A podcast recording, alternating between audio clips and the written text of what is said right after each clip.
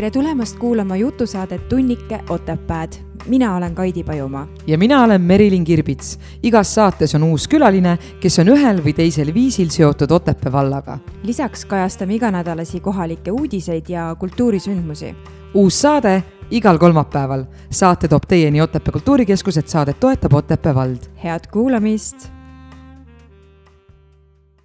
tšau, Merilin. tšau, Kaidi. no kuidas sul läheb? No nädalake on jälle möödas ju. eks ole käed on mullas ja tuju on hea ja. oled jõudnud juba aeda? oi, kõvasti olen jõudnud mis sa siis kõik maha oled istutanud, praegu vist on veel istutamise aeg, ei ole või? no äh, põhimõtteliselt, kui sul on ikkagi vana talukoht, siis sa enamjaolt Riisud. sa ei tegele kõigepealt mingisuguse juurde istutamisega, on ju. et äh, enamjaolt sa tegeled ka ikkagi puhastusega, et seda kõike kõigepealt ära puhastada ja siis sa alles näed, mis sul seal on mm -hmm. ja siis saad hakata vaatama, et mida sa sinna juurde üldse paned, aga muidugi meil isaga on ikka korralik äh, juurviljapõld, nii et hakkab vaikselt pihta see maa tuleb korda teha ja. Kindlasti siis... väga teraapiline tegevus. absoluutselt jaa, kindlasti jaa. see soovitan küll, et, et inimestel, kellel on pisikegi aed, siis kündke üles. jaa, aga kas sa tead, et aasta kaks tuhat kakskümmend kaks on raamatukogu, raamatukogude aasta wow,? ja teadnud. selle raames siis noh, nagu varem muidugi ka on saanud, aga saab täita seljakoti põnevate raamatutega, visata pilgu peale uuemale ajakirjandusele, külastada näitusi ja kui veel eriti hästi läheb, siis on võimalik ka kohtuda kirjanikuga ja sellega seoses on meil ka täna külaline just raamatukogudega seoses. ma teen juhatuse ära. jah, tee meie tänane külaline on sündinud Otepääl ja just nimelt sündinud, sest tema oli see mees, kellel oli privileeg oma kodukoha sünnitusosakonnas sündida enne selle sulgemist. ja samuti on ta siin ka kasvanud ja töötanud. ta on Eesti Maaülikoolis lõpetanud agronoomia eriala ja üheksakümnendate lõpus asus ta tööle Otepää raamatukogu juhatajana, kus ta töötab tänaseni. tere tulemast saatesse, Kaido Mägi tere! noh, põllust oli juttu, põllumees on kohe meil siin saates, on ju aga agronoomia erialaga siiski raamatukogu alale tööle, et, et kuidas selline muutus tuli? no eks ta mingis mõttes oli tingitud äh, olukorrast, mis sellel hetkel Eestis valitses. et korraga nagu väga põllumehi ei olnud enam vaja, et see aeg oli möödas, kus nagu teele tahtis põllumehele minna ja selle tõttu tuli ümber mõelda. aga sina, sina käisid Otepää koolis, on ju? jah, Otepää keskkoolis tollal. aga kuidas sul tuli äh, idee minna agronoomiat õppima üldsegi, kas sul oli see huvi kogu aeg olemas, sa teadsid, et sa lähed õppima seda? no ma kasvasin nagu maal, et esimesed aastad kõigepealt mind toodigi siia linna esimesse klassi, et mm -hmm. enne seda olin kogu aeg maal ja seal kus, igast... kus sa elasid maal, mis maal, kus kohas? ma elasin läheduses kümme kilomeetrit Kaagvere küla. ahah, okei okay. mm. -hmm ja seal olid põllud ümberringi, kombainid, traktorid, eks see oli ka omamoodi huvitav ju. ja, ja eriti et... poistele minu arust see tehnika, bensiinilõhn ja et sealt, sealt see nagu mõte tuli. aga kas see oli, kui sa mõtled nagu neid inimesi, kes su ümber õppisid näiteks, kas oli mingi suur protsent, kes tegelikult sellel hetkel läksid agronoomiat õppima või mis olid need populaarsed alad, mida õppima mindi üldse? No agronoomia oli niisugune keskpärane, ütleme, rohkem ikkagi mindi mehhaniseerimist õppima ja raamatupidamist ja Aa. aga agronoomia oli niisugune noh, nagu suhteliselt kindel variant, et seal ikka tööd on ja mm -hmm. variante on ja sealt sai spetsialiseeruda aiandusele, kartulikasvatusele, mida iganes mm. -hmm et tegelikult kõik inimesed ilmselt Otepääl teavad, et sina oled see suure ajuga mees, on ju, et su, sa, sul on, hakkab info hästi külge, et kas sa, kas sa juba kooli ajal äh, olid, paistsid silma sellega, et sa, et sulle nagu kinnistus rohkem kui teistele? no ilmselt küll jah, et mäletan, et seal mingeid klassiviktoriine ja et neid ikkagi sai jah, võidetud. et ilmselt jah, mälu poolest selles mõttes jääb hästi meelde. ütleme, eriti nimed ja sellised faktid ja aga samal arvud väga jälle ei pruugi jääda. aga see tähendab, et mingid ained siis olid sul tugevamad ja mingid polnud ikkagi või? No matemaatika oli mul nagu pisut nõrgem koht, et õpetajad vahetusid ja siis ma nagu jäin kuuenda klassi tasemele, kui õpetaja Laumets lõpetas. et wow. sealt edasi ei arenenud enam aga poes saad hakkama ikka? no selles mõttes saan arvutamisega hakkama, aga mälu poolest ei saa, sest kui mul kolm asja antakse osta, siis ühe ma unustan tavaliselt ära. ja see vetsupaber ja teine tuleb meelde siis, kui ma ringi kõnnin riiulite vahel ja kolmas jääb ostmata aga kas sa mäletad, mis su kooli ajal, mis su lemmikaine päriselt oli? no mul ikka kirjandus ja ajalugu olid nagu mm -hmm. kaks lemmikut mm. -hmm. aga miks siis äh, sellel vald-, selles valdkonnas edasi ei liikunud, et kui kirjandus ja ajalugu olid lemmikained?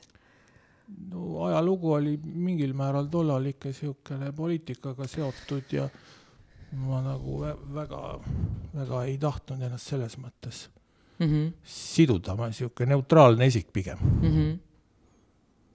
Mitte nüüd päris riigivastane, aga no mit-, mitte ka väga soosiv aga kirjandust ja eesti keelt? no meil oli väga hea õpetaja, oli Asta Kreevalt, kes kindlasti oskas ka niimoodi sundida lugema ja rääkima raamatutest ja mm, -hmm. ja ta küsis poisse ka alati hästi palju rohkem kui tüdrukuid. ja kord ma sattusin sinna klassi, kus oli seitse poissi ja kakskümmend üks tüdrukut, siis ma sain pidevalt vastata. ja nii hakkaski meeldima, et kui loe ja räägi.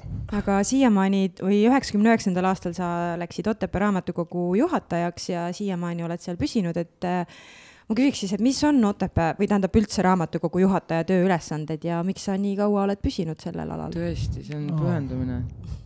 no eks ta kindlasti mõnes mõttes on jah kutsumus, sest rahaliselt ta kindlasti ju ei tasuks ära. on ju palju tulusamaid asju mm. -hmm. aga samal ajal, kui sa ikkagi näed uut raamatut, suudad inimestele soovitada, teda pakkuda, vastata inimeste küsimustele, mis nad uurivad, otsivad asju et see on ka omamoodi väljakutse mm, -hmm. mis nagu arendab ja igav ei hakka. aga milline, kuidas näeb välja sinu igapäevatöö, mida teeb raamatukogu juhataja?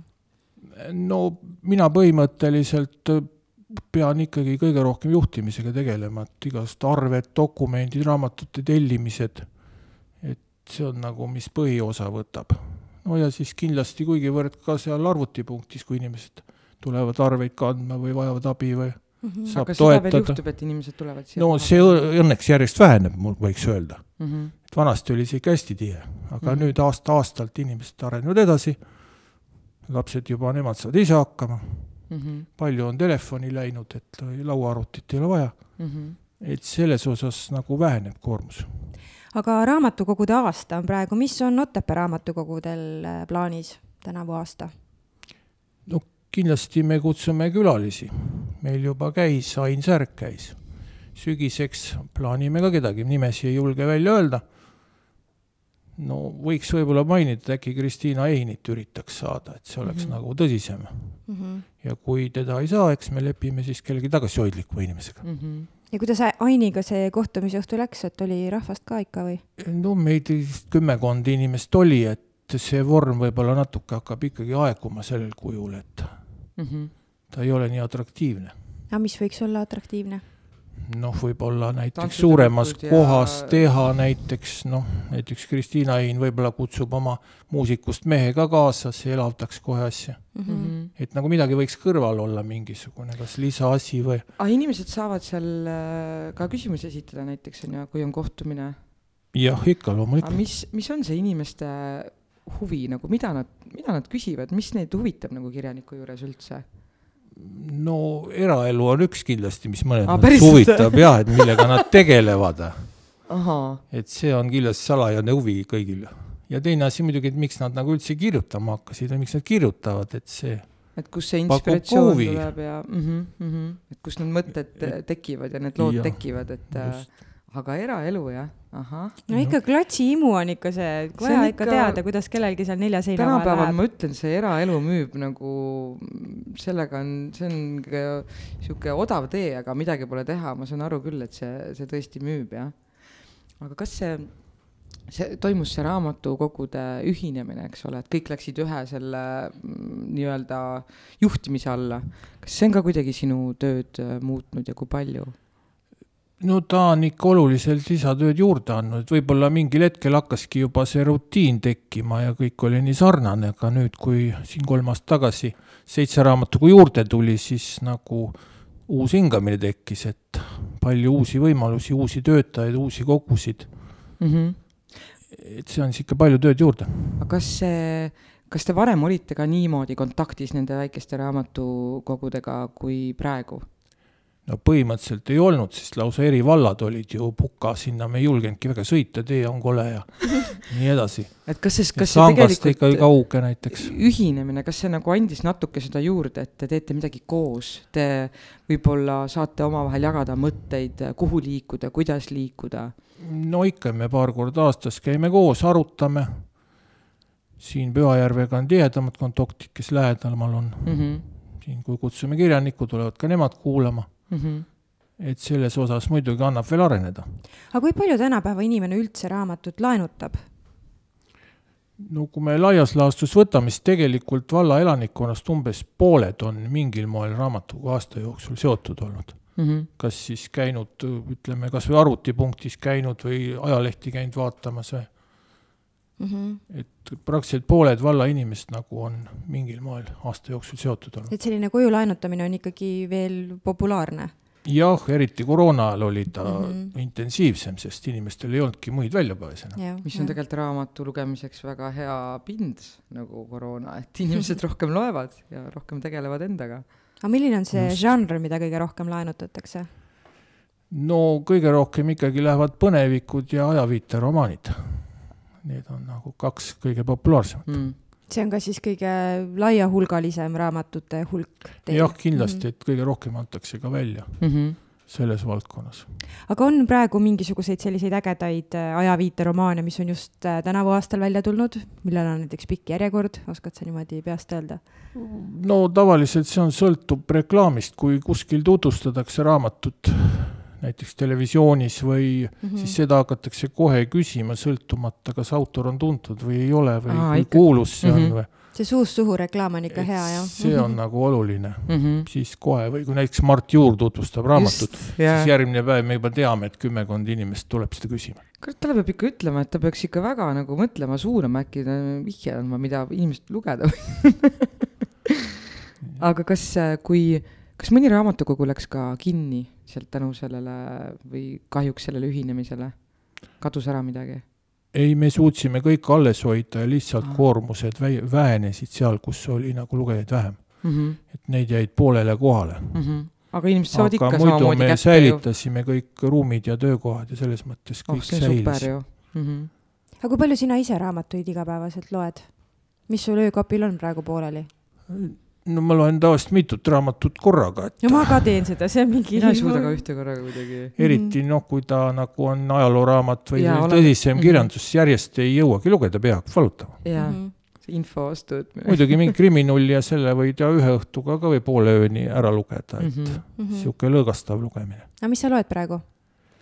praegu ma lugesin norralase Larseni kriminulli läbi, mis oli siukene, noh, suhteliselt lihtne, aga tempokas ja kiire. aga sulle endale meeldivadki kriminullid kõige rohkem või? no see on nagu ütleme, sihuke puhkamiseks mm -hmm. lugemine mm. -hmm. et kui ma tõsisemalt tahan lugeda, siis ma ikkagi loen Ajaloorama. nagu mõttega mm -hmm. seal ajaloost või loodusest või mm. -hmm. aga kriminull on sihuke, mis no põhimõtteliselt sa puhkad seda lugedes siiski mm, -hmm. mõtted lähevad mujale, elad kaasa sellele ja sa ei märkagi, et kas on öö või päev või kes seal toas on aga millega sa oma vaba aega sisustad, kui äh, parasjagu ei loe? no põhiliselt äh, looduses käiguga, ütleme, ja maal käiguga ja seeneperioodil siis seenemetsades saab ringi ikka tuuseldada ja et ütleme, loodus on nagu niisugune põhiline, no ja siis kuigivõrd tugitoolisport ka, kui suurvõistlused on, olümpiamängud või niisugused MM-id või et neid saab ka ikka vaadata mm. -hmm suvisele või tähendab suvisele jah, talvisele maratonile siis elasid ka kaasa või olid lausa raja ääres? ei, ma vaatasin olümpiamänge sel ajal mis maraton? Ma... see, ega seda ei kanta üle marat... niimoodi ju. muidugi, mina kanti, vaatasin kanti. kõik otsast lõpuni Tartu maratoni väga põnev oli vaadata. ma vaatasin ja imestasin. kaua seda kanti siis üle, see kestab päev no, otsa? esimene lõpetas, minu meelest oli alla kahe tunni see kuuskümmend kolm kilomeetrit. no näidatakse esimene ära, aga see on no,. kui mina maratonil läheks, siis mind küll ei näidataks, ma tulen seal viimaste seas no tegelikult see ikka kestis seal vist veel natukene, kui esikümme tulid ja siis vist tulid need, et kes olid harrastajate klassis. ülejäänud tuhanded. vot kahjuks vist eetrisse ei pääsenud aga see oli, see oli tõesti, see oli minu jaoks nagu täiesti uskumatu, kuidas ühel inimesel on nagu selline võhm kaks tundi lihtsalt järjest aga kui ta iga päev, kui ta iga päev ikkagi treenib, see on ikkagi aastatepikkune töö tulemus, see ei ole lihtsalt see, et nagu, et sa lähed trepist üles ja, ja hakkad hingeldama ja mõtled, kuidas nad jõuavad. ei no täpselt ja siis mina läksin peale tööd ja tegin oma vaba stiili seal kuus kilomeetrit ja mõtlesin, et jube tubli ikka aga sa oledki tubli, kas sa saad aru, on ju, et selles hetkes äh, sellisesse, noh, kui palju sina nagu teed, siis see ongi, kuus kilomeetrit on väga tubli. jaa, ma olin enda üle uhke jah. Aga siis, kui see seda... võrdlemine mm -hmm. on üks asi, mis tuleb ära jätta, eks ole on ju. kuule, meil on natuke teine saade, Merilin. see eneseabi saade tuleb teine kord. kas sul ei, sa ei tegelenud spordiga? ma püüdsin ikka kõrvale hoida spordist. sel ajal lugesin raamatut kas keegi kuidagi, kuidagi, kas äh, Otepääl nagu rohkem nagu suruti seda sporti ka ikka, katsetati kõik kutid läbi, et kuidas nagu? Ma arvan küll jah, sest me ikka suusatasime, ma arvasin isegi mina, kui ma kehvalt suusatasin, kui ma mujale läksin, siis ma olin kohe tublimate hulgas Maaülikoolis, kuigi ja. ma siin olin viimaste hulgas, seal olin juba esimeste hulgas. nii on jah, Otepääl oled kehv, aga mujale lähed, oled sangar, noh. aga spordiga ma väga jah ei kippunud, erinevalt vennast tegelema aga kui ähm,, aga millega sinu pere tegeles, et kas äh, nii-öelda raamatute lugemine ja kõik see huvi, kas see on ka kuidagi nagu perekonnast kaasa tulnud? et on, on sul olnud mingisuguseid eeskujusid või, või väga, on su väga targad esivanemad?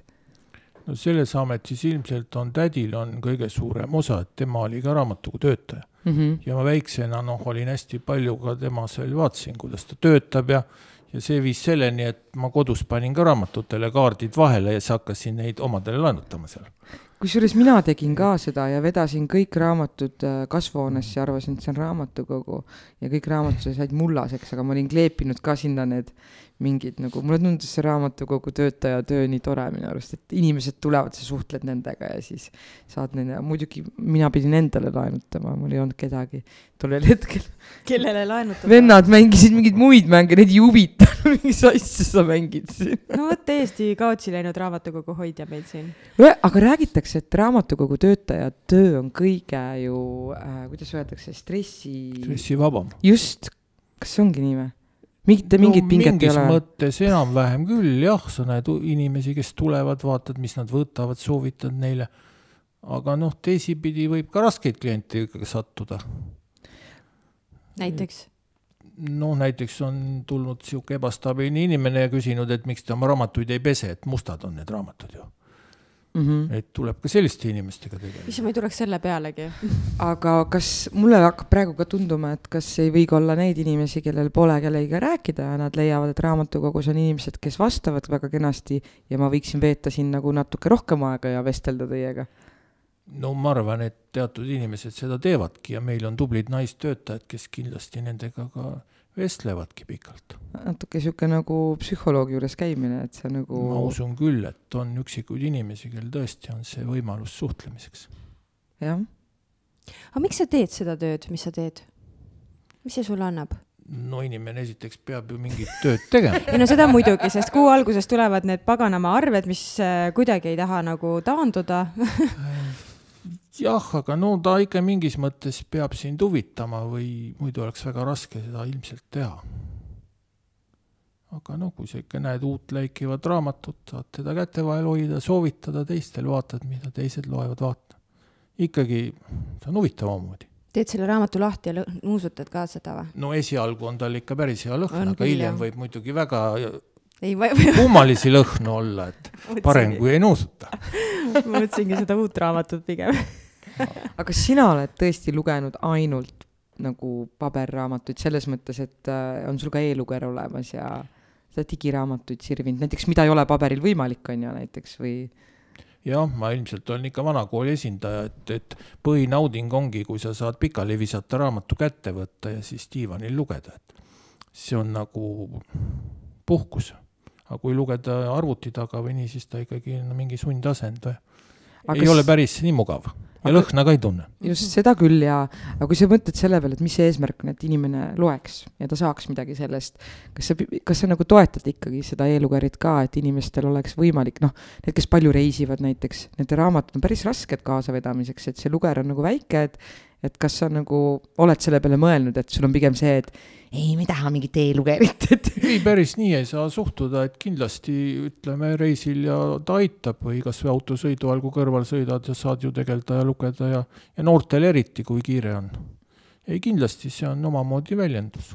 et ükskõik mis vormis nagu selles mõttes, just aga nimelt et... ja siis on ju veel neid audioraamatuid, mis on ette loetud ja. näiteks mm, -hmm. näiteks kooliõpilasel on ju väga lihtne Tõde ja õigust niimoodi kuulata mm. -hmm ta vahepeal magama ei jää. aga kui palju üldse noored äh, tänapäeval raamatuid laenutavad, et üks asi on see kohustuslik kirjandus, aga, aga niimoodi, et eraldi ta tuleb reaalselt raamatukokku, et äh, ra-, laenutada endale midagi, mis talle endale meeldib? no neid noori on ikka jah väheks jäänud, kes nagu tulevad raamatu lugemise pärast mm. -hmm. enamik on ikka kohustusliku kirjanduse lugejad, aga noh, kindlasti on jäänud minu meelest võiks üldse nagu propageerida, et kuidas nagu noorte seas seda lugemist propageerida, ma mõtlen just, on, on see, et et näiteks kui öelda, et sa pead lugema aastas ära, ma ei tea, kümme raamatut, aga sa võid ise valida, et sulle antakse žanrid ette, mida sa, millisest žanrist sa pead valima, aga ei anta ko nagu konkreetselt ette, mis raamatut. sest minu meelest nagu kohati need, see kohustuslik kirjandus, okei okay,, see käsit- või noh, see hõlmab endas väga palju sellist klassikat ja tahetakse, et noor oleks sellega ikka kursis, aga kui mina ise nagu mõtlen enda lapsepõlvest, siis tihtipeale olid need raamatud väga ebahuvitavad ja mulle absoluutselt ei meeldinud ja see tekitas võib-olla nagu mingit sellist nagu tõrget et lugemise suhtes, et lugemine ongi igav. iga kord, kui raamatu kätte võtan, jään magama aga, aga kui, kui noor saab nagu valida ja ta leiabki reaalselt nagu üks raamat teise järel, et see on põnev ja see kõnetab ja see on huvitav ja mul hakkab peas film jooksma, siis võib-olla need noored nagu loeksid ka rohkem. kusjuures Urmas Vadi just äh, rääkis äh, raadios ühes intervjuus, et äh, ka, et võiks äh, mingil määral võib-olla muuta seda ja.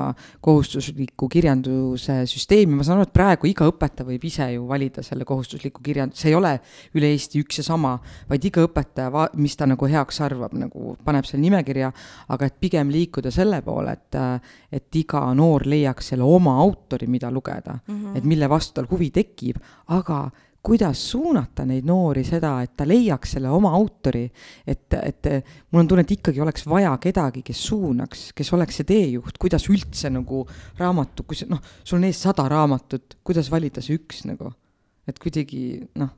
jah, et kuidas üldse tõsta nagu lugemust noorte seas, mis sina arvad, Kaido?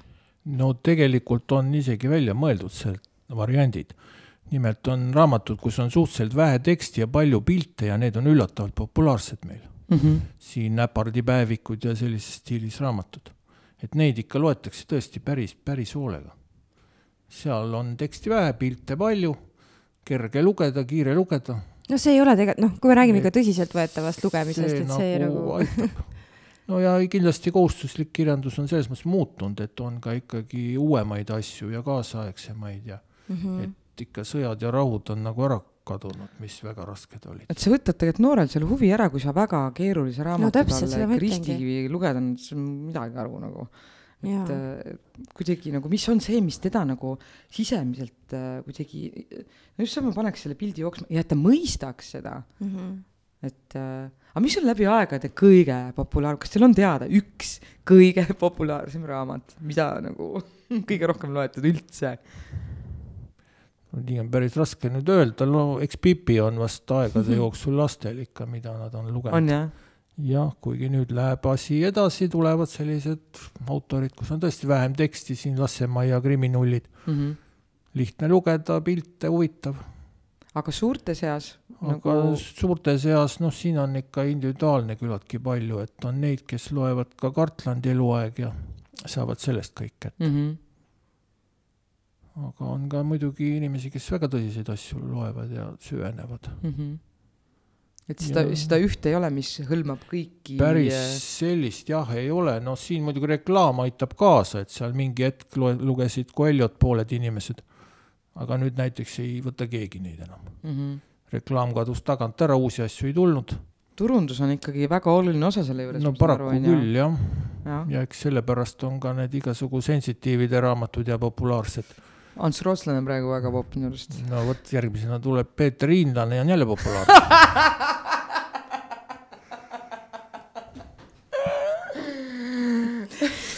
jaa, aga noh, ma ütlen, et äh, mina ise olen ka päris suur lugeja ja mulle nagu ja, ja tihtipeale ongi niimoodi, et ma laenutangi või, või näiteks sõbrannal on mitu raamatut, mida ma tean, et, et ta luges ja, ja kiitis, ma võtangi kohe mitu tükki korraga. et alustangi lugemist ja kui ma näiteks esimese, ütleme seal kümne leheküljega ei suuda see raamat mind kõnetada või ma tunnen kogu aeg, et mul läheb mõte mujale või võib-olla mulle ei meeldi see sõnaseadmisstiil näiteks või, või, või kuidagi lause ülesehitus mm -hmm. ei mhm. ole mulle omane, mõni kirjutab hästi nagu palju selliste põimlausetega, et, et jube palju on komasid. Nagu, ja siis ma jah. nagu ei jõua nagu, kui jõuan lause lõppu, ma enam ei mäleta, millega see mm -hmm. algas, eks ju. minu meelest Mihkel Raud, ma ei mäleta mingit raamatut, ta niimoodi kirjutas igast poole pealt, ma paningi kinni, ma, ma ei suutnud lihtsalt, tal olid nii pikad ja lohisevad laused. kas ta tegi, kas see oli nagu taotluslik või?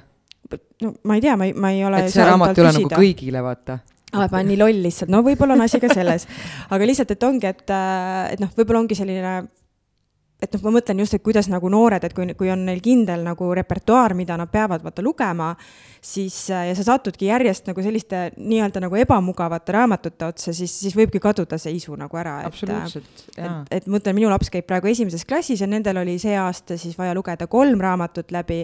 üks nendest oli Sipsik ja teine oli minu meelest Jussik ja see seitse sõpra äkki või. ja ma ei mäleta, mis see kolmas nagu oli ja tema luges küll kuu ajaga nagu kõik kolm raamatut läbi ja talle väga meeldis mõni ei loe võib-olla aasta jooksul ka neid ära ja, ja peab nagu sundima, et. Äh, kas, kas teil on olnud ka lastele ettelugemise mingisuguseid äh, päevi, kus äh, lapsed võivad tulla ja siis keegi loeb raamatut? jah, me oleme seda lasteosakonnas tõesti teinud, täiskasvanutel ei ole proovinud kuigi Kalevipoega, Kalevipoega aastaid tagasi tõesti lugesime issand, kui tore, kuidas see välja nägi, kuidas no me panime vanad riided selga nagu Kalevipoel ja siis päriselt? lugesime väikses ruumis, mingi kümmekond inimest vast oli ja täitsa lõbus oli. no aga mõtle, kui lahe. Kalevipoega on väga raske lugeda minu arust. ma mõtlen seda, et mingi naiste õhtu võiks ju küll olla, et loetakse mingit sellist naiste romanssi ette ja jumala kihvt, võtad seal klaasikese veini ja kuulad keegi heledal häälel. ma pigem mõtlesin, ma mõtlesin lasteosakonnas küll praegu, mõtlesin, et väga Sul tore oleks tegelikult teha mingisuguseid äh, lastele ettelugemise mingisuguseid hommikuid või asju nagu. jah, aga selle ettelugemisega on ka, et noh, mina loen iga õhtu oma poistele, ütleme nii, et seitsmeaastane juba kuulab väga agaralt, praegu me loeme Tilda ja tolmuingel, väga kõnetab, talle väga meeldib nagu kogu see, see maailm, mis seal on.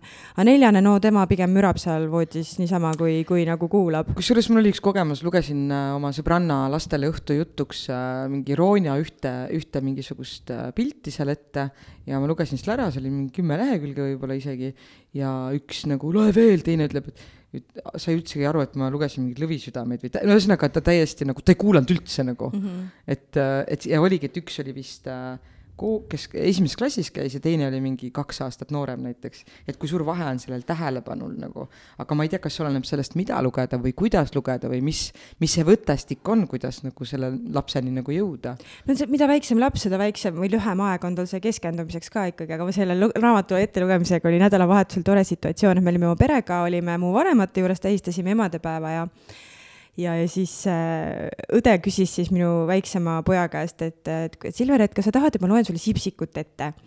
ja Silver noogutas ja siis õde küsis, et aga, et, et kas, kas emme on sulle seda lugenud? raputas pead, et ei ole ja, ja siis äh, Kairi õde mul siis ütles, et okei okay,, et lähme loeme ja siis loeb ära ühe lehekülje ja loeb teise ja Silver paneb talle käe niimoodi nagu jala peale, ütleb, et kuule, et sa pidid natukene ainult lugema.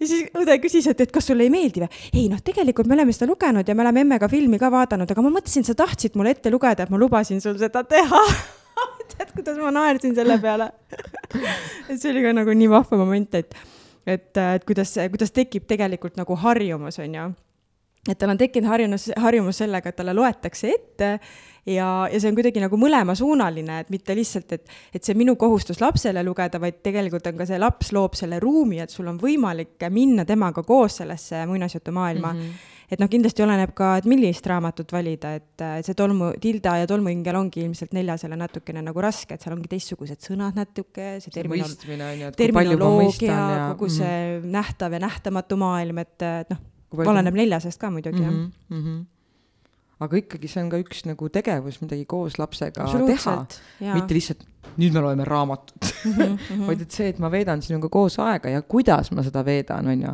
kas ma olen telefonis, sa vaatad multat, on ju, või ma loen ette ja sa kuulad. võib-olla ka... me mängime koos isegi läbi midagi. ja, ja see on ka nagu nii veider, et, et kuna õhtuti lugemine on alati olnud, et noh, koondume minu voodisse ja seal me mm -hmm. loeme selle lambi saatel, on ju, või noh, öölambi saatel või valguses. see on niimoodi, et kui ma olen pakkunud välja nagu mingit muud situatsiooni, et noh, täna loeme niimoodi, et te olete oma voodites ja ma istun seal voodi peal või, või siis, et loeme näiteks elutoas siis nii naljakas on see, et nad on nii ära harjunud selle teistsuguse olustikuga, et nad ei suuda seal nagu äh, kuulata et see on ka mingisugune turvatunne. turvatunne jah, et äh, jah. seal toas toimub õhtuti see maagia on ju, kus me lähme sellesse fantaasiamaailma. kas sina oled ka lastele raamatut ette lugenud?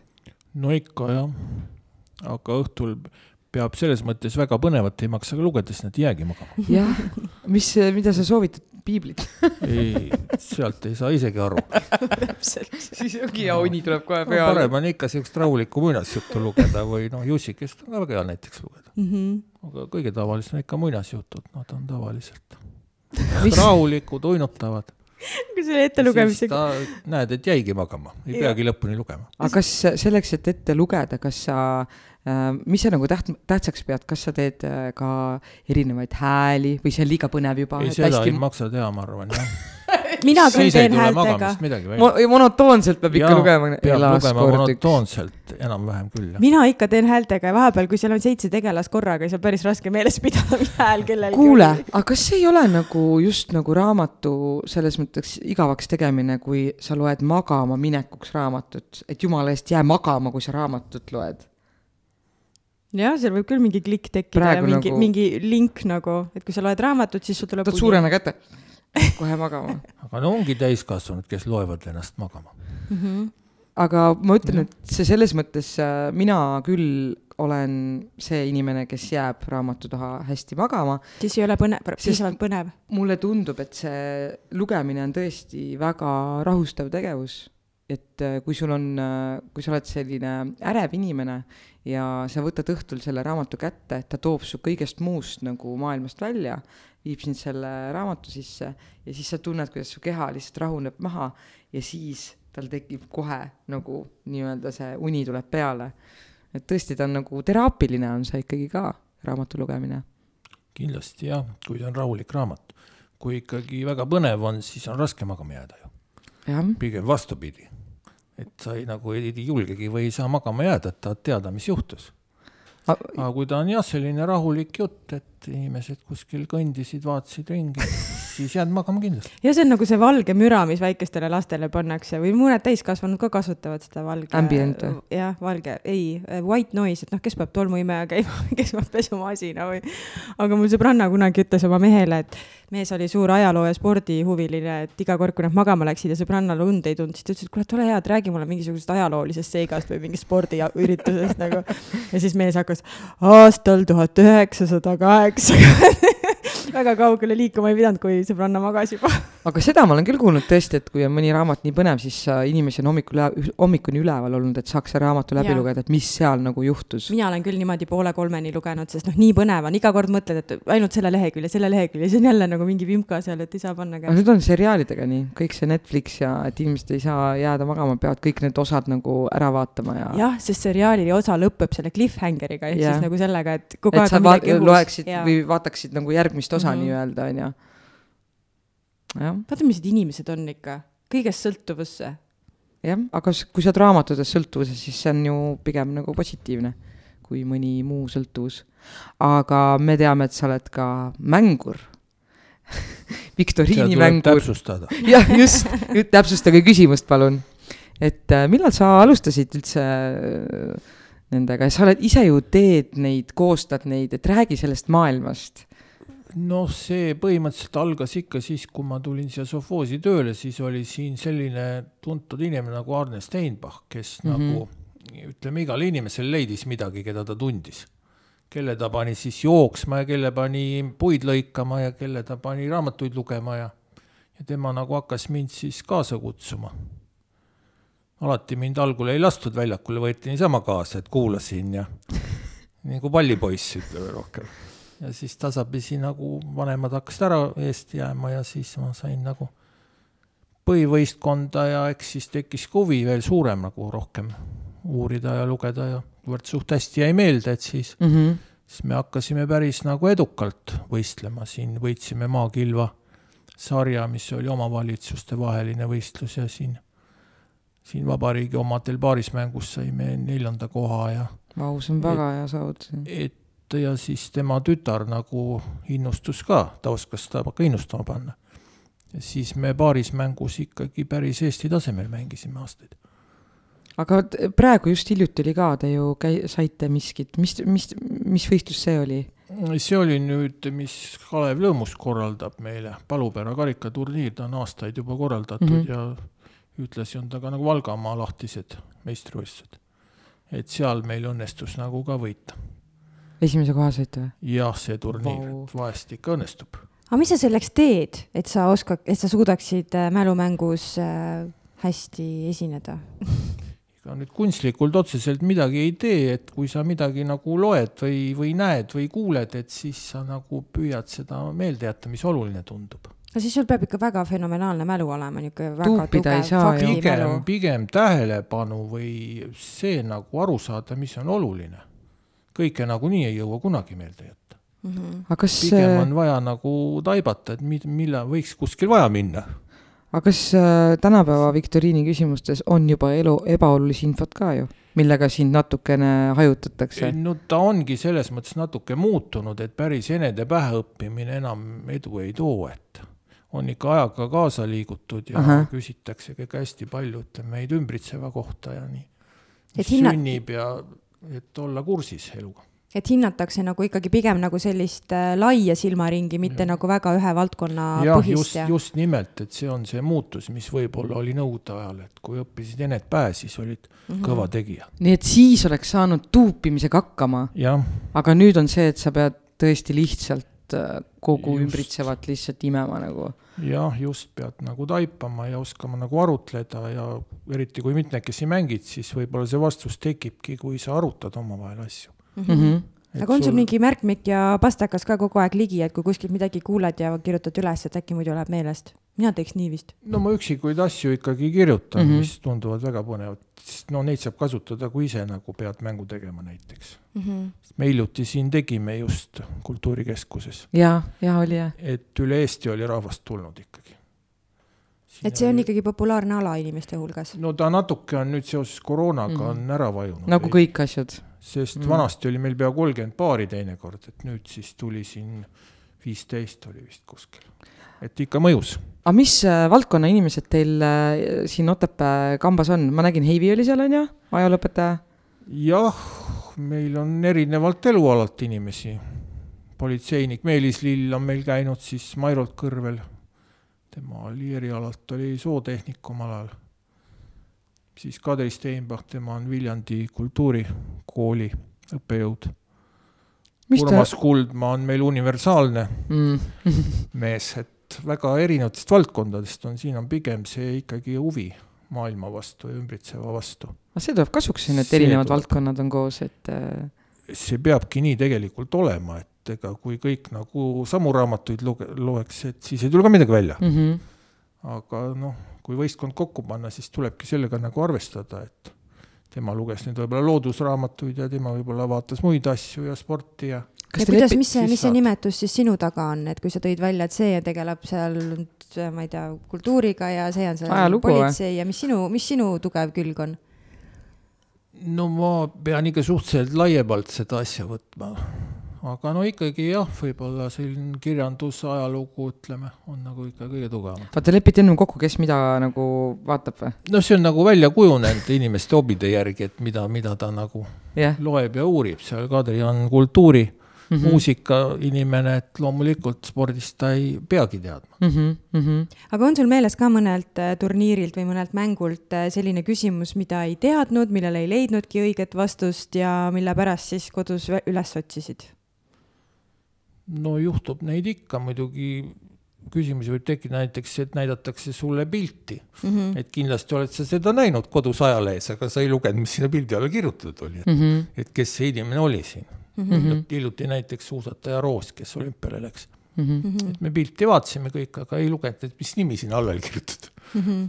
ja oligi miinus kaks punkti kohe.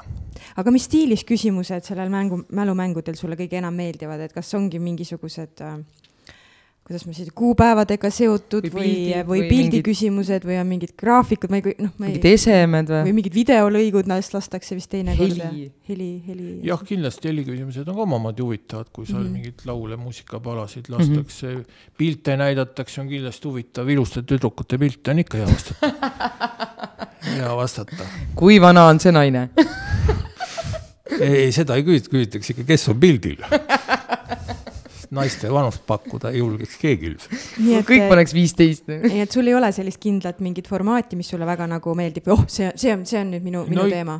ikka meeldivad need, kus sa saad nagu loogiliselt mm -hmm. seda vastust mõelda või läbi mm -hmm. mitme komponendi mm -hmm. või mitte, et küsitakse näiteks, mis on seal mingi riigi pealinn Mm -hmm. sa peaks seda otse teadma, aga võib-olla samal ajal antakse vihje, et on samanimeline sportlane või on samanimeline küla siin Otepää lähedal näiteks mm. -hmm et siis nagu on õige küsimus, et sa saad ja, ja, mõelda ka muust valdkonnast natuke mm -hmm. ja tuletada ja, siis, seda ja, vastust. siis saab meeskond nagu üksteist toetada, eks ju, et ja, saabki et loogikat kasutada. ei ole head, kus küsitakse, et mis on näiteks Jamaica pealinn, et mm -hmm. sa kas tead või ei tea, et siin mm -hmm. ei Just. ole variante mm. -hmm. väga arutada vist ei. Need küsimusi väga tuletamine nii-öelda, jah. jah, küsimus peab olema natuke pikem ja erinevaid tahke hõlmav.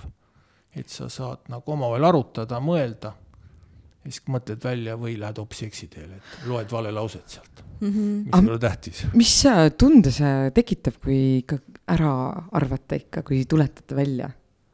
no eks ta on ikkagi võidutunne, nagu ilusa seene metsast leiaks või, või hea toidu sööks või mm. -hmm. ikkagi see on sarnane tunne selles mõttes. aga kui küsimuse kätte saad, siis tekib ikka niisugune võistluslik adrenaliin sisse no kui ikka punkt-punkti mäng on, siis ikkagi jah, see natukene mõjutab. kas mõnel nagu äh, reaalselt äh, närv ka mängib olulist rolli? jah, tegelikult, tegelikult ikkagi jah, on, et kes on nagu vanemad mängijad, närvid läbi läinud juba ja siis nad võivad jah, et mitte mäletada enam isegi, mis su nimi oli aga päris, sa ütlesid praegu need, kes on rohkem mänginud või? Et, et nagu närv no, kasvab, tuleb juurde pigem või? see on individuaalne, kuidas, kuidas kellelgi yeah., mõnel ta läheb ära aja võttes järjest nagu närvilisemaks, teine hakkab rahunema mm -hmm. just. ja no kes on vähese kogemusega, nendel ei kipu meelde tulema, et nad noh, ei suuda nagu mm, -hmm. tekib mingi kramp, et ma tean seda, ma, ma tean seda, seda ja mm -hmm. nad teavadki, aga neil ei tule sellel hetkel meelde, sest aeg on piiratud mm. -hmm. ja siis, kui vastused ära viidi, siis ta ütleb, et see oli see et pinge kadus sel hetkel ära, siis tal tuligi meelde hmm.. kas see, kas on mõte või plaan või ka unistus, et, et oleks näiteks igakuiselt üks õhtu Otepääl on selline mälumänguõhtu, avatud mälumänguõhtu? no siin Kultuurikeskus on nagu üritanud siukest rahvalikke mänge. me tegime meelelahutuslikku ja on... täiesti nagu jah, et just sihuke tavainimene. jah Sest... ja mitte väga fakti selles mõttes põhine, et äh, kuidagi inimesi kaasata, aga praegu sa mõtled ju sellist tõsist ikkagi nagu.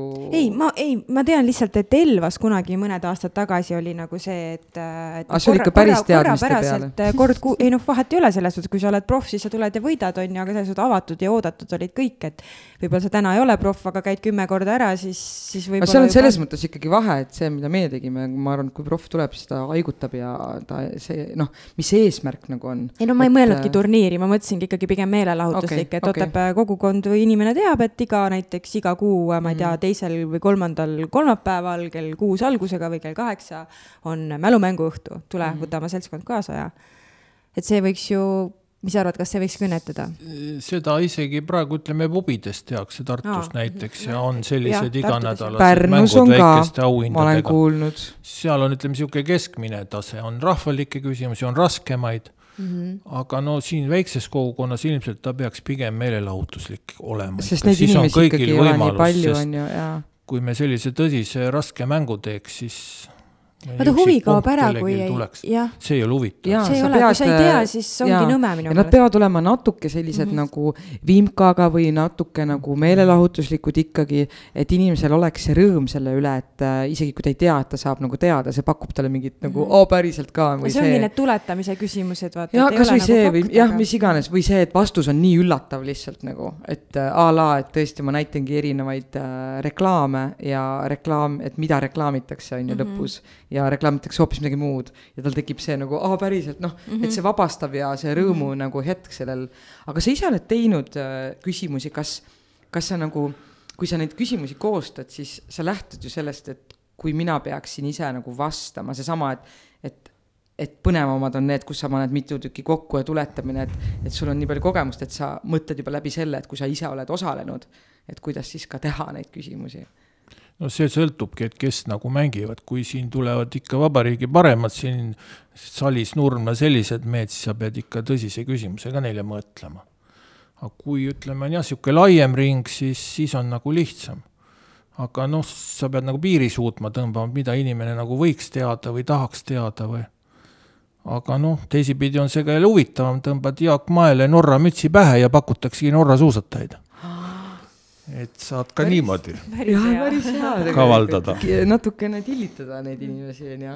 et see on nagu huvitavam osa, kui sa tavainimestele mängu teed. jaa, just, jaa, jaa. aga ässad muidugi saavad baaseks selle peale, kui sa nii teed. jaa, jaa. et nemad tahavad tõsist, tõsist mängu. et seda pead nagu mõtlema siis, mm. kellele see mäng adresseeritud see on küll nõme, kui sellise asja peale pahaseks saada. aga mina küll mõistan, kui sa tuled tõsiselt nagu, sa tead väga palju, sa tuled ongi, tõsiselt pead, mängima nagu ja sulle tõmmatakse aga see on tillitamine, see on niisugune meelelahutus ikkagi mm., ma arvan mm.. no seal on teatud reeglid, näiteks ei tohi küsimuses sisaldada see vastus, et -hmm. küsid tamme ja siis kuskil kirjutad, et tamm oli seal. siis see loetakse ka halvaks tooniks. et on teatud reeglid, kui tipptasemel mängida mm. -hmm.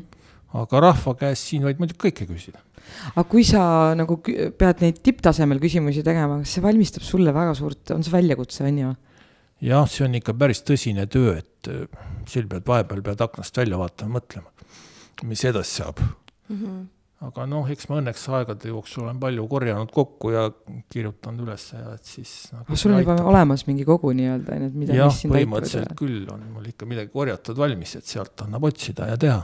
no kuidas seda teemat valida, kui sa hakkad mõtlema, et kui palju teemasid meil maailmas ümber on lihtsalt hmm,. mis see, mis see esimene teema, millest sa, sulle meeldib küsimusi äh, valmistada, mis sulle endale tundub põnev? no tavaliselt me alustame ikka mõne kodukandi küsimusega, et nad teaks, kust nad tulid. et sellist laadi küsimusega ja no muidugi siis on lihtsalt kirjutad üles kümme teemat näiteks, et kõik elualad oleks Esindatud. haaratud ja siis teedki kümme küsimust järjest, ühe seal spordist, teise muusikast kolmanda ajaloost ja nii, et mäng oleks hästi ühtlane ja dünaamiline, et igast valdkonnast midagi, et ei oleks ta kallutatud kuhugi poole väga. Kas... kui ta just spetsiaalne mäng ei ole, et siis on kõik spordist näiteks mm, -hmm. kõik spordist või mm. -hmm. aga kas inimesed aastatega lähevad targemaks või lollimaks? Ei, ma mõtlen päriselt noh, et kuidas see, kuidas on see, et meile ju räägitakse seda, et enam ei pea midagi omama, vaid et kõik on võimalik kätte saada, kui sa tead, kus see asi on, noh, materjali mõttes ka, on ju, et sa ei pea enam tuupima, vaid et sa tead, kus sa saad ja sa lähed ja otsid, aga et kas inimesed üldiselt, kuidas see aju nagu liigub? no eks annab ka otsimismänge teha, aga üldiselt noh, reeglid muidugi on sellist telefoni kasutada ei tohi, et kes sellega nüüd vahele jäi, et see nagu kõrvaldatakse võistlusest. muidugi see on eriti mõttetu kasutada. ja see on jah, siis see nagu... on teine suund, et otsimismäng näiteks Mm -hmm. sest no see ei ole heaks tooniks. mis, mis sa lähed sinna üldse, sa lähed ju ennast, vastust otsima ja. Ennast lähed proovile panema, mitte nagu. Ju... see nagu on teine asi siis hoopis. lihtsalt võitma nagu jah? jah, aga noh, tavainimesele võid ka mängu teha lihtsalt nii, et paned inimesed rivvi ja küsid küsimuse, annad kaks varianti. ja kes vastab õieti, pääseb edasi, kes valesti vastas, läheb laua taha ja lõpuks on võitja selge üpris kiiresti. et see... need on küllap üritustel populaarsed sellised mm. -hmm kas sa Kuldvillakus oled käinud? ma just tahtsin küsida, kas ei, sa oled ma üri... ei ole tahtnud niimoodi areenil olla, sest ma olen kunagi käinud Tallinna Televisiooni mälumängus ja see on päris ikka teine situatsioon, et seal on need kaamerad kogu aeg sähvivad, mingi minut antakse, et see on nagu, see nõuab natukene niisugust hästi kiiret mõtlemist ja see peab ikka, inimtüüp peab ka olema vastav sellele. et mulle väga niisugune sunnitud mäng ei meeldi kas sul on mingisugune unistus või missioon või mingisugune asi olnud seoses selle mälumänguga, et kuhugi jõuda või midagi sellega saavutada või midagi seda teha, millest?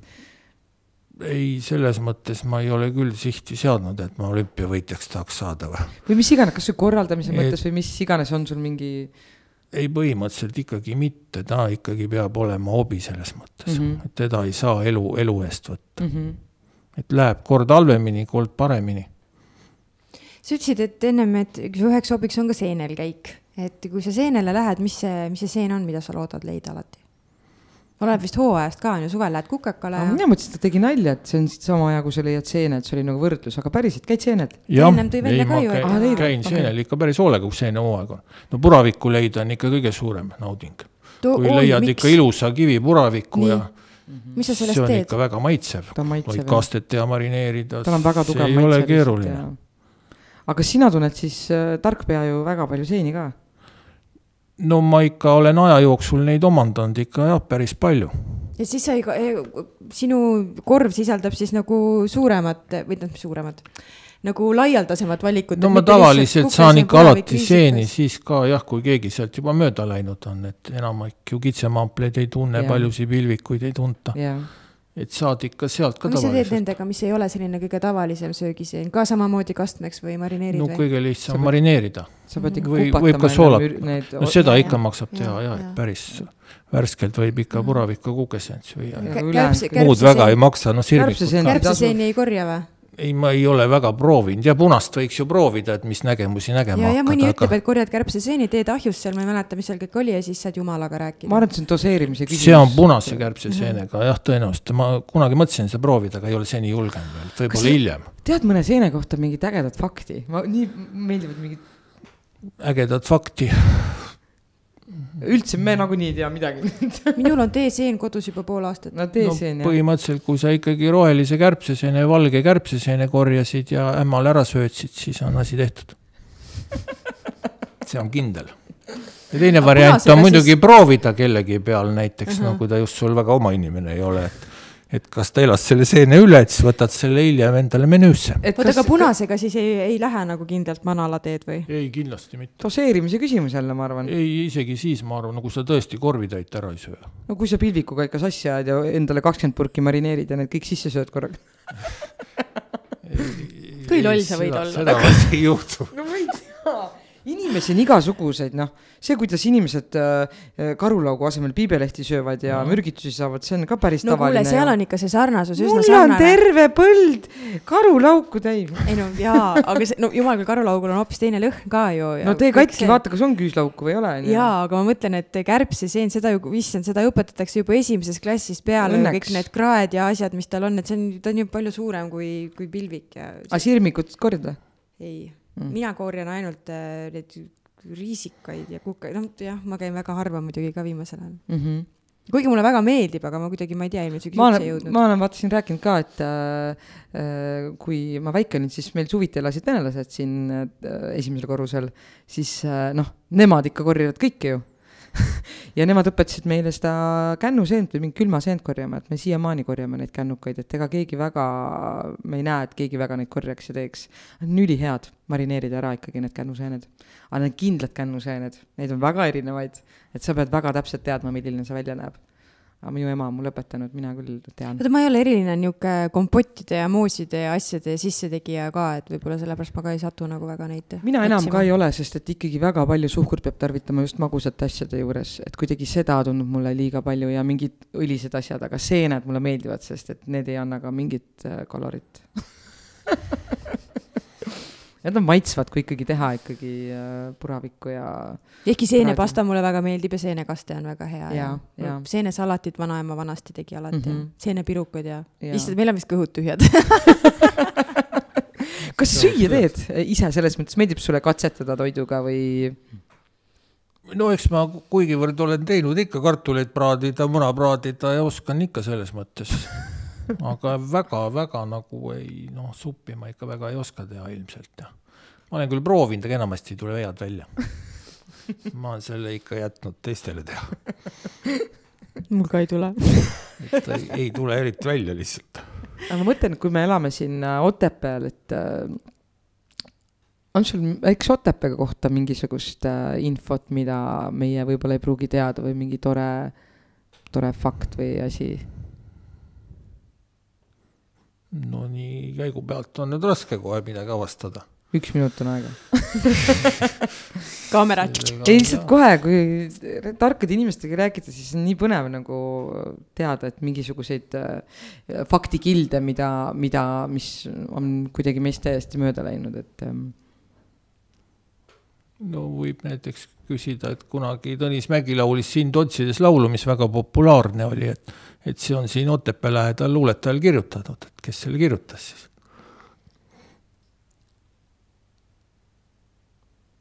Vana-Otepäält pärit kirjanik jah, Merilin Kohalik. jah, Oskar Kruus ongi et....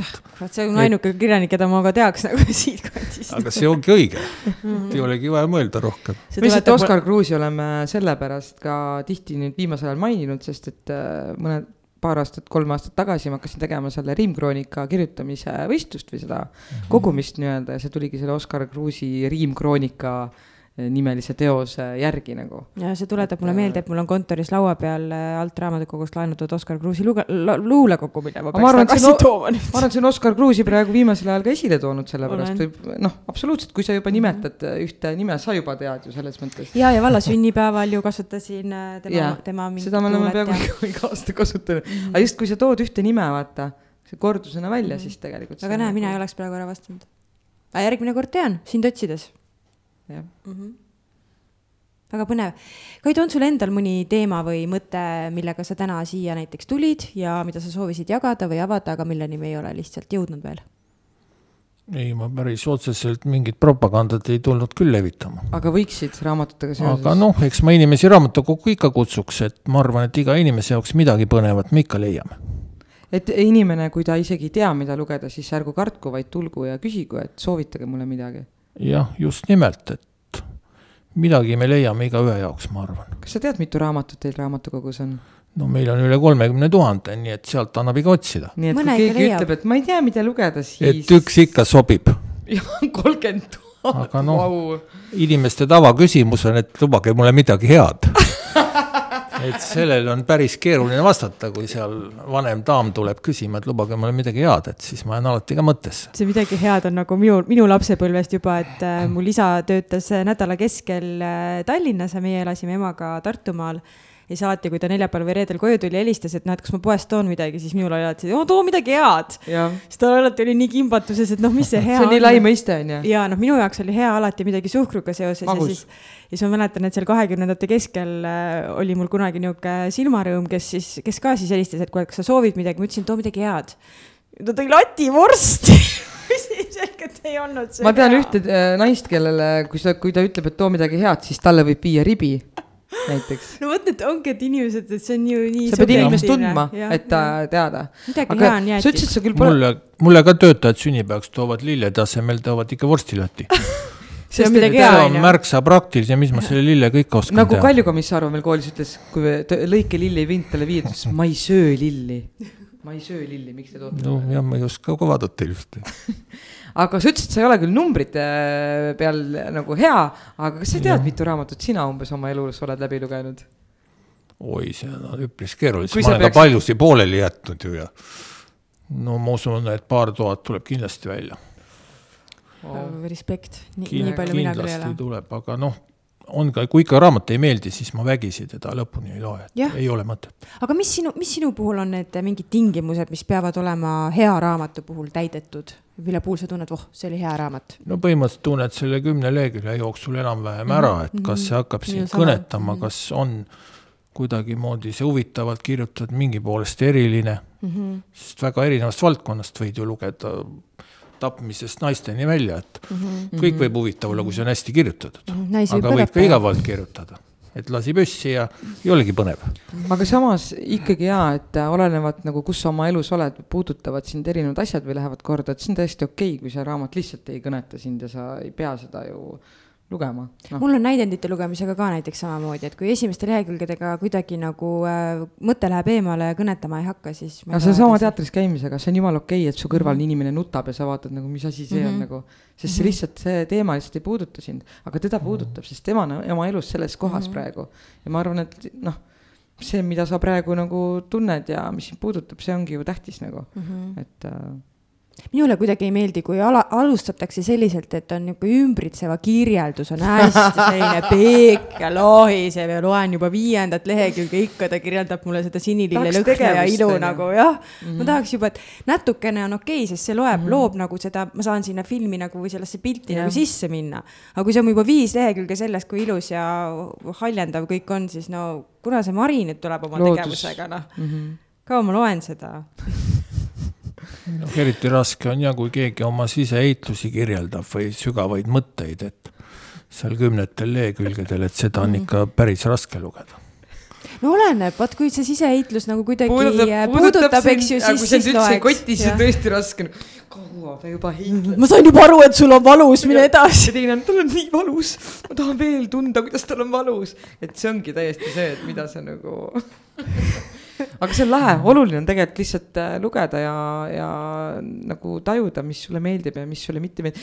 sa õpid enda kohta nii palju minu arust läbi selle, kas sa vaatad midagi või loed midagi, et äh, kõik annab midagi sulle juurde. jaa, aga meie tunnike ongi täis tiksunud, nii kiirelt see läks. väga tore. väga tore. aga enne kui liigume viimase. Äh, kas sa muusikat ka kuuled, ma saan aru, et raamatukogus peab kogu aeg vaikus olema, aga muusikat, muusikat kuulan ma ikka kodus rohkem tööl ajal, noh, ma ikka päris ei saa muusikat kuulata, siis hakkab segama tööd. mis sulle meeldib? no midagi ikkagi pigem lõbusamat või tantsulisemat, sest töö on isegi tõsine suhteliselt et.... kuulad sa mingeid äh, vanu artiste või väga... praegusi? no põhimõtteliselt ma suudan ikka kõike kuulata. mis su lemmik praegu on? no ma tavaliselt Eurovisiooni kuulan ka ikkagi ära, kuigi see on päris raske kohati raske aga muusika? ma kuulan, no ta on siis väga sarnane kuidagi eriti need Balkani lood ja need on nii südantlõhestavad, et ei suuda korraga nii palju omandada. aga pigem kõige lihtsam on sellist lihtsat tantsumuusikat kuulata, et see lõõgastab ja nagu ei pane mõtlema ega. aga kas sul on olnud mingi eurolugu, mis on läbi aegade kõige rohkem meeldinud? peale Letosveti, mis meile kõigile on meeldinud no,. see oli väga hull asi jah see oli väga hull asi, no, no on ikka olnud siin jah tavaliselt Rootsi eurolood on päris huvitavad, kuigi nad natuke tõsisemad siin mm. -hmm. eufooria ja neid, neid kuulad ise ka, kuigi ta on suht raske minu jaoks võib-olla mm. -hmm. aga praegu, kui kohe peaksid kõlba. ütlema, mis on su lemmiklugu?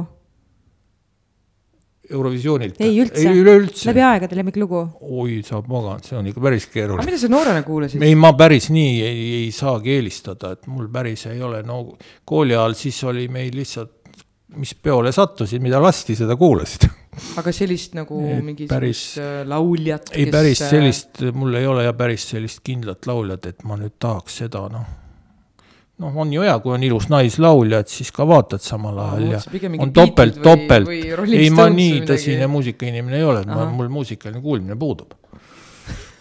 Et ma ei suutnud kõige väiksemat koputust ka kooli ajal järgi teha.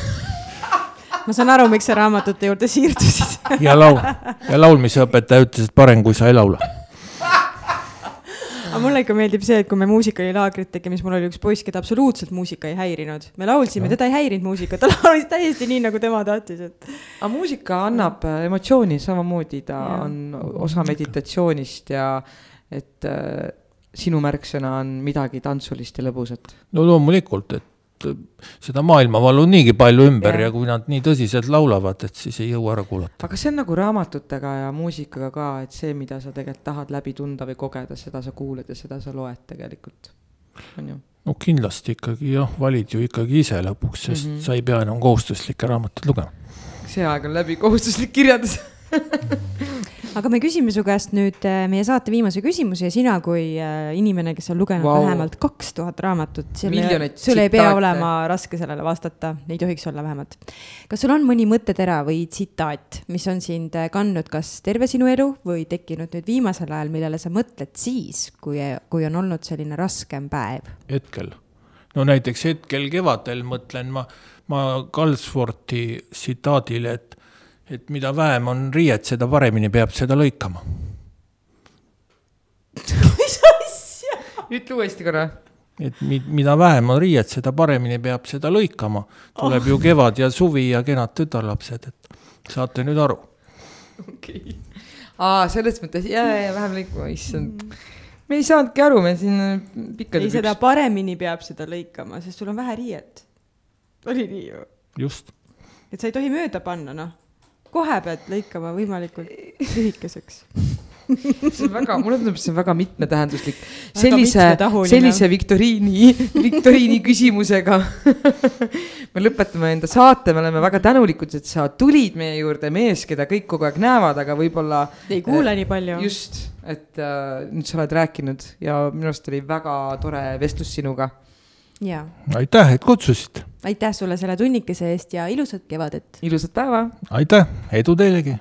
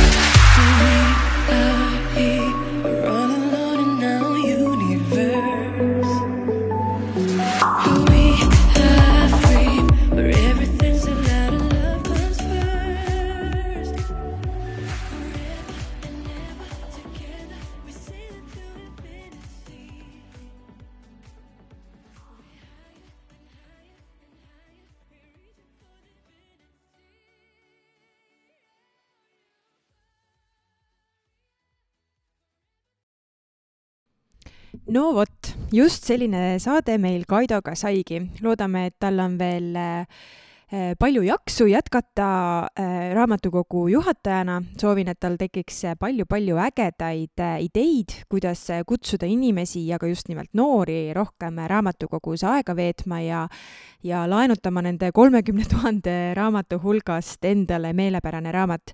minu jaoks on raamatu lugemine üks väga mõnus ajaveetmisviis ja see kindlasti maandab stressi eriti kui, kui teha seda nüüd kevadisel, suvisel ajal ka õues, kus sa saad värsket õhku hingata, kuuled lindude laulu ja, ja mesilaste suminat ja, ja lasta lubada, lubada endal langeda sellesse ägedasse maailma, mis sinna kaante vahele paigutatud on. nii et äh, minge kindlasti uudistama, võtke endale üks äge raamat siin nädala teiseks pooleks ja, ja miks mitte siis äh, ka mitu raamatut, proovida mõnda teist žanri, mida veel ei ole näiteks lugenud, kui siiamaani olete selliste krimkade peal, siis äh, võib-olla võtta hoopis mõni äh, romantiline äh, teos, nii et äh, kellele siis mida. aga äh, uudiste poolelt siis nii palju, et äh, Otepää vallavalitsus pakub tööd lastekaitse vanemspetsialistile ja tegemist on asenduskohaga. kandideerimiseks palutakse saata hiljemalt kolmekümne esimeseks maiks avaldus koos kinnitusega, et ei esine ametniku teenistusse võtmist välistavaid asjaolusid, CV ja motivatsioonikiri ning haridust tõendava dokumendi koopia e-posti aadressile vald.otepaa.ee ja lisainfot saab siis telefonilt viis kolm null kolm kolm null kolm kaks seitsmendal mail toimus Puka kultuurimaja laululaval Otepää valla aastaema väljakuulutamine. valla aastaemaks sai kolme lapse ema Inger Simmer. aastaema konkursile laekus neli nominenti Inger Simmer, Anneli Uhvert, Kristlin Uibo ja Merilin Salundi. aastaema väljakuulutamine toimus Puka kodukandi päevade raames. kogu päevale pandi meeleolukas punkt Keter Jaani kontserdiga. sündmuse korraldas Otepää Kultuurikeskus, toetas Otepää vald Otepää vallavalitsus kuulutab välja konkursi geenipõhikooli direktori ametikoha täitmiseks. direktori ülesandeks on kooli õppe- ja kasvatustegevuse korraldamine, kooli meeskonna juhtimine, õpilaste arengu toetamine, koostöö arendamine lapsevanematega ning tulemuslik finants- ja majandustegevuse juhtimine digitaalselt allkirjastatud dokumendid palutakse saata hiljemalt kolmekümne esimesel mail aadressil vald.otepaa.ee.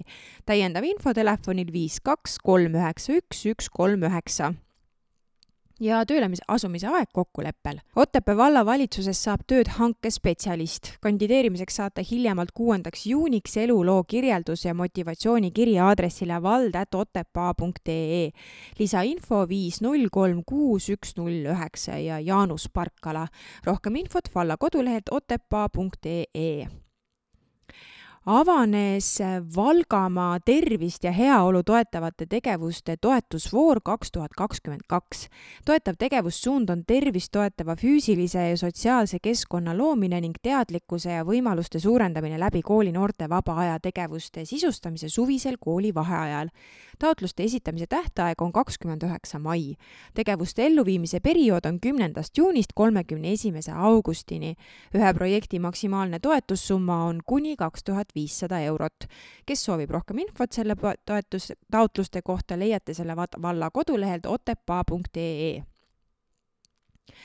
head Valgamaa tegevuspiirkonna elanikud, ettevõtjad, noored ja kogukonna liidrid. Teid oodatakse koos arutama selle üle, kuhu suunata järgmistel aastatel meie piirkonda saabuvad Euroopa Liider ja Sotsiaalfondi ressursid.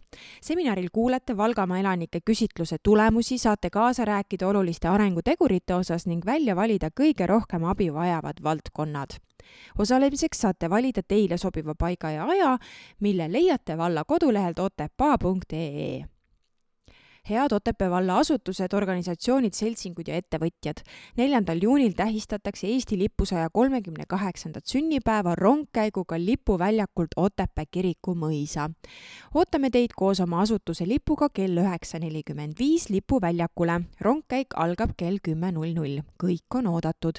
palume rongkäigus osalemisest ja osalejate arvust teada anda hiljemalt kolmandaks juuniks e-posti aadressil monika.otrokova at otepaa.ee ja nagu eelmises uudises mainitud, siis neljas juuni on Eesti lipupäev Eesti lippu heiskavad kõik riigi ja kohaliku omavalitsuse asutused ning avalik-õiguslikud juriidilised isikud. Eesti lipu võivad heisata ka kõik teised. head Otepää valla kodanikud, Otepää on Eesti lipu häll. neljandal juunil tuhande kaheksasaja kaheksakümne neljandal aastal kogunes kakskümmend neli Eesti soost haritlast Otepääle, et pühitseda ja õnnistada Eesti üliõpilaste seltsi sinimustvalge lipp. Eesti iseseisvumisel sai riigilipuks sinimustvalge rahvuslipp.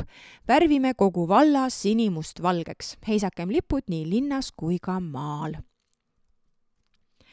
ja kultuurivaldkonnas, mis siin nüüd siis selle nädala ja järgmise nädala alguses oodata on, näiteks kahekümnendast kuni kahekümne teise maini toimub Sangaste lossis TRF nelikümmend neli ja Street.ee korraldatud aasta suurim tuuning ja hobimasinate show. Lisainfot leiate www.street.ee ja kahekümnendal mail algab see päev siis päeval kell kaks kahekümne esimesel mail Otepää kultuurimajas kell kaksteist null null eakate lauluansambli Laulurõõm kahekümnes sünnipäevakontsert Laulud on rõõm. külla tulevad sõbrad lähedalt ja kaugelt ja sünnipäevalaps pakub ka torti. sündmus on tasuta kes soovib lisainfot, saab seda kultuurikorraldajalt Merle Soonbergilt telefonil viis kuus kuus kaks kuus neli kaheksa üks ja kahekümne esimese mai õhtul kell kaheksa Sangaste kultuurimajas kevadine tantsuõhtu ansambliga Mama. pilet on kümme eurot, avatud on kohvik. kes soovib lisainfot, saab seda kultuurikorraldajat Marina Pulverilt telefonil viis kolm null null kaheksa kaks kaks kuus kahekümne teisel mail tunnetusretk Pühajärve liikumisradadel kell üksteist null null. oleme sinu jaoks loonud meeldiva ja lõõgastava tunnetusprogrammi Pühajärve kaunite mägedega looduses. retkel tehtavad meeleharjutused sobivad kõigile. oluline on tahe praktikaid kaasa teha. Otepää ümbruse maalilised maastikud toetavad meie teekonnal olemist. koos muljetavaldavate maastike, mägise õhu, kevadise looduse ja sinu osalusega tekib täielik ja meeldejääv kogemus. paljud arvavad, et Pühajärve ümbruses looduses on väge. kasuta seda unikaalset võimalust loodusega koos olla, märgata väge enda ümber ja enda sees. kes soovib lisainfot ja kuna vajalik on ka registreerumine, siis saate seda teha aadressil loodusturism.ee samal päeval samuti kell üksteist null null ehk siis kahekümne teisel mail toimub ka Pühajärve üheksas matk. alustatakse siis kell üksteist null null Kolga tee kakskümmend kaheksa Otepää Looduskeskuse parkimisplatsil. liigutakse päripäeva ja matka pikkus on neliteist kilomeetrit. hea oleks kaasa võtta veepudel ja sõbrad. jalg, jalga pane mugavad jalatsid ja terviseampsudega toetab Otepää vald kes soovib lisainfot, saab seda Ene Brandsilt telefonil viis üks seitse kuus viis üheksa üheksa kahekümne viiendal mail Otepää kultuurimajas kella kümnest üheni on doonoripäev. Tartu Ülikooli Kliinikumi verekeskus tuleb abistajatele lähemale, et abivajajaid aidata. kui sul on hea tervis ja soov aidata abivajajat, siis tule palun verd loovutama. kaasa võta pildiga isikut tõendav dokument. täpsemat infot saab www.kliinikum.ee kaldkriips verekeskus kahekümne kuuendal mail Otepää malevkonna tutvumisõhtu kell üheksateist null null. kaitseliidu maja, Kalda tänav üks, Otepää oled mõelnud Kaitseliitu astuda või soovid sisukat infot eh, nende juures pakutavate võimaluste kohta või tahad hoopis vabatahtlikest riigikaitsjatest lihtsalt rohkem teada saada? kui sa otsid selliseid vastuseid, siis tule Otepää malevkonna tutvumisõhtule. vajalik on eelnev registreerimine ja rohkem infot ja registreerimislehe leiad valla kodulehelt otepaa.ee kahekümne seitsmendal mail toimub Otepää kultuurimajas kell kaheksateist null null heategevuslik kontsert Georg Otsa laulud. Tajo Kadajas ja Ivo Pill esitavad kontserdil Georg Otsa esitatud laule läbi aegade. kontserdi tulu läheb Ukraina sõjapõgenike heaks. lisainfo saate kultuurikorraldajalt Merle Soonbergilt telefonil viis kuus kuus kaks kuus neli kaheksa üks ja tegelikult on sündmusi, millest rääkida veel ja veel ja veel, aga et teil ei läheks need sündmused, mis mai lõpus ja juuni alguses toimuvad, meelest, siis eks me kordame neid ikka äh, iganädalaselt.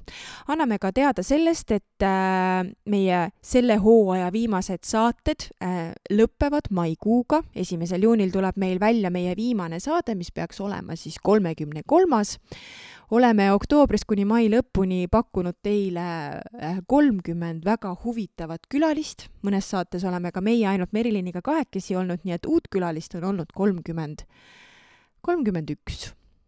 jah, me loodame, et tunnike Otepääd on teile südame külge kasvanud ootame endiselt teilt igasuguseid põnevaid mõtteid, äh, millest me võiksime rääkida, mis teid huvitab, millised inimesed või milliseid inimesi olete enda ümber märganud, võite teha ettepanekuid, kelle võiks saatesse kutsuda.